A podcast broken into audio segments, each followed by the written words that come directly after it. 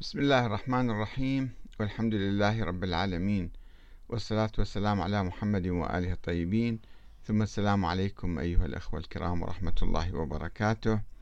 صحيفة غازيت دوفار التركية توجه عشرة أسئلة إلى أحمد الكاتب. آه، الصحفي الأخ العزيز إسلام أوزكان آه، آه، قام بهذه المقابلة و أجبته على هذه الأسئلة. وعنون المقابلة المنشورة في تلك الصحيفة بأن أحمد الكاتب يقول الإسلام منفتح على التجربة الديمقراطية الغربية. آه، ونشرت يوم السبت آه، ستة آه، ستة تسعة ألفين وعشرين. السؤال الأول كان ما هو اعتقادكم بشأن تأثير الصراعات السياسية التي شهدتها الفترات الإسلامية الأولى آه، على الفكر السياسي للشعوب المسلمين اليوم وخاصة انتخاب الخلافة والانتقال من الخلافة إلى السلطنة. الجواب آه، لم يتحدث الإسلام سواء في القرآن أو السنة عن الدستور ونظام الحكم وترك ذلك للمسلمين أو العقل الإنساني. ولكن المسلمين ولا سيما الأنصار أدركوا ضرورة إقامة إمارة لهم بعد وفاة الرسول مباشرة فاجتمعوا في سقيفة بني ساعدة لاختيار زعيم لهم وكانوا يرشحون سعد بن عبادة أميرا عليهم. وهنا دخل المهاجرون فاقترحوا إقامة دولة عربية تشمل الجزيرة العربية كلها. أه واقترحوا بأن تكون الإمارة لهذه الدولة بيد المهاجرين القرشيين لأنهم الأقدر على إقامة هذه الدولة. وقالوا بأن العرب لا تطيع الأنصار وفي الحقيقة أن كثيرا من القبائل العربية ولا سيما بني حنيفة الذين كانوا يقطنون نجد واليمامة كانوا يرفضون الخضوع حتى لقريش والمهاجرين. وقد وجد الخليفة الأول أبو بكر صعوبة كبيرة في السيطرة عليهم فيما عرف بحروب الردة وبالرغم من أن الإسلام لم يتحدث عن نظام الحكم فإن المهاجرين والأنصار اتفقوا على دستور معين يقوم على مبدأ الشورى. يعني ما قالوا هذا دستور وإنما اتفاق يعني. ولكن ذلك الدستور كان بدائيا وكان يعاني من ثغرات عديدة. ولذلك انهار بعد حوالي ربع قرن فيما عرف بالفتنة الكبرى وأدى انهياره إلى ولادة عدة نظريات سياسية دستورية منها من يؤمن بحق قريش في الحكم ومنها من يؤمن بحكم الهاشميين الأترة ومنها من يؤمن بحصر الحق في الحكم بالعلويين أو الفاطميين أو الحسنيين أو الحسينيين.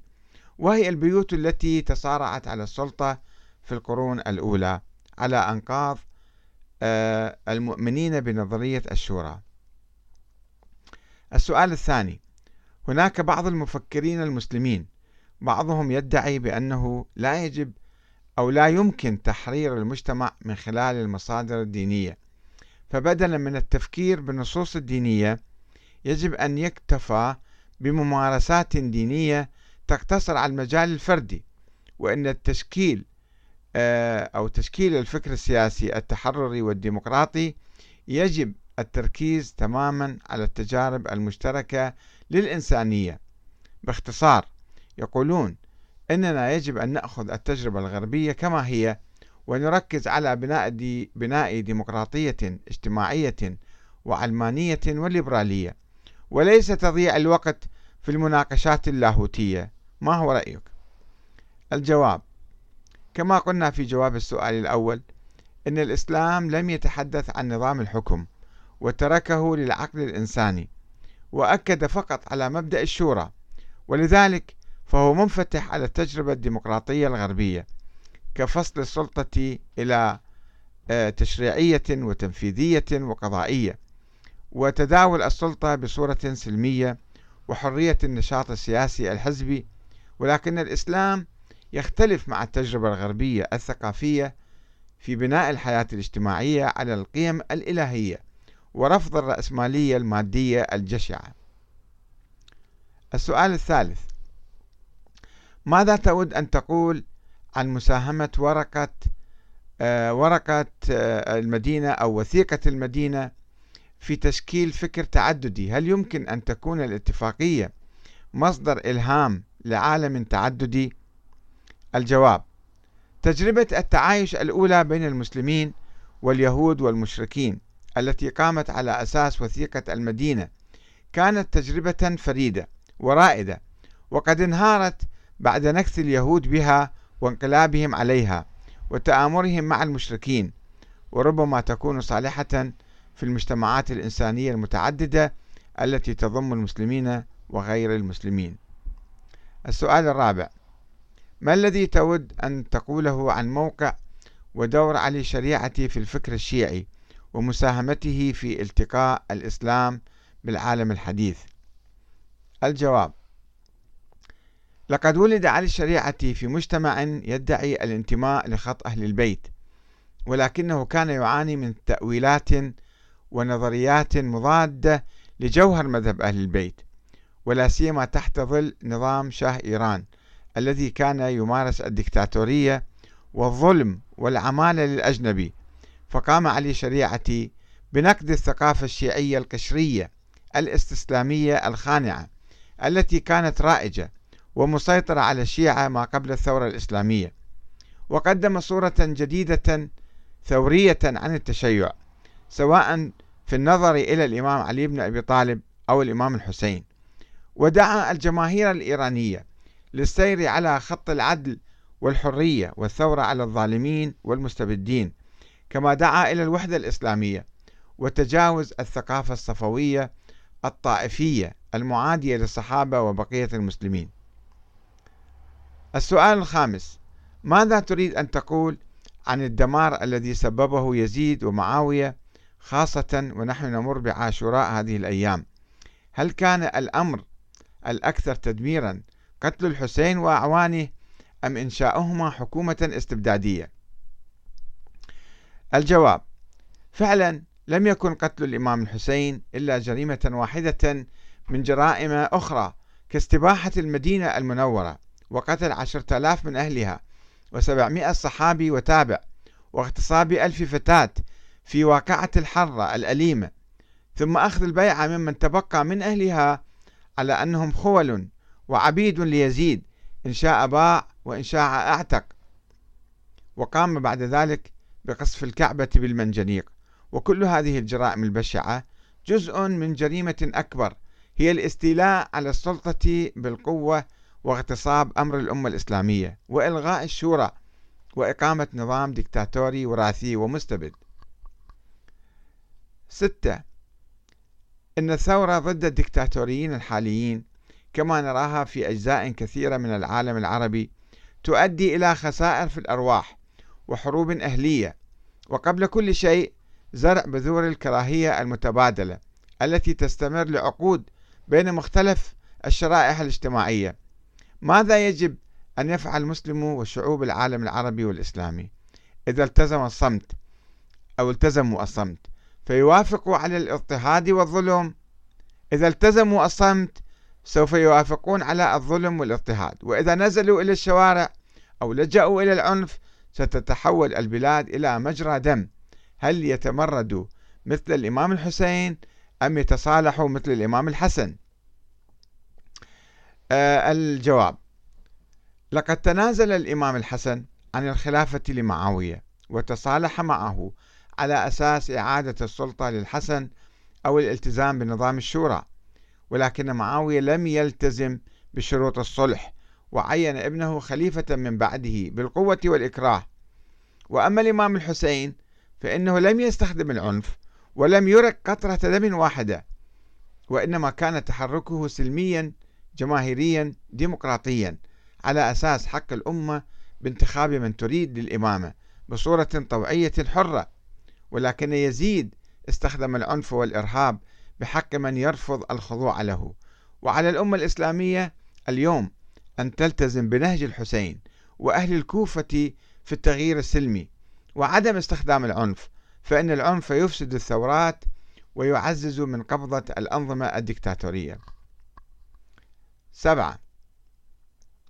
هل تعتقد أن أصول الصراع السني الشيعي مبنية فقط على قضايا لاهوتية أو سياسية؟ أم أن هناك نظرة فلسفية وميتافيزيقية مختلفة للحضارة والثقافة الإسلامية وتراثها. إذا ماذا تقول عن البعد السوسيولوجي والانثروبولوجي لهذا الأمر في العصر الحديث؟ أحمد الكاتب. لا يوجد صراع سني شيعي على أرض الواقع اليوم ولا توجد أي مبررات لهذا الخلاف التاريخي الذي كان يدور قبل أربعة عشر قرنا حول النظام الدستوري ومن يحق له الحكم ومن لا يحق له ذلك. وهل الحق في الحكم محصور في قريش أو في الهاشميين والعباسيين أو في العلويين؟ وما هي العلاقة المفترضة بين الحاكم والمحكوم؟ وقد تفرع من ذلك الخلاف التاريخي خلاف فقهي بسيط في حين تطرف بعض الغلاة فأضفوا مسحة دينية على ذلك الخلاف أو غالوا بالأئمة من أهل البيت ورفعوهم عن مستوى البشرية وقد عاد المسلمون من السنة والشيعة اليوم إلى الاتفاق على نظام سياسي واحد هو النظام الديمقراطي الذي يحقق العدل والمساواة ويكفل الحرية للجميع.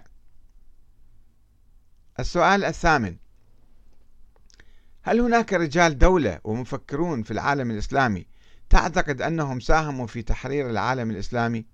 وأيضا هل هناك أي تجربة سياسية تعتبرها ذات قيمة في العالم الإسلامي في أي مرحلة من مراحل التاريخ الحديث؟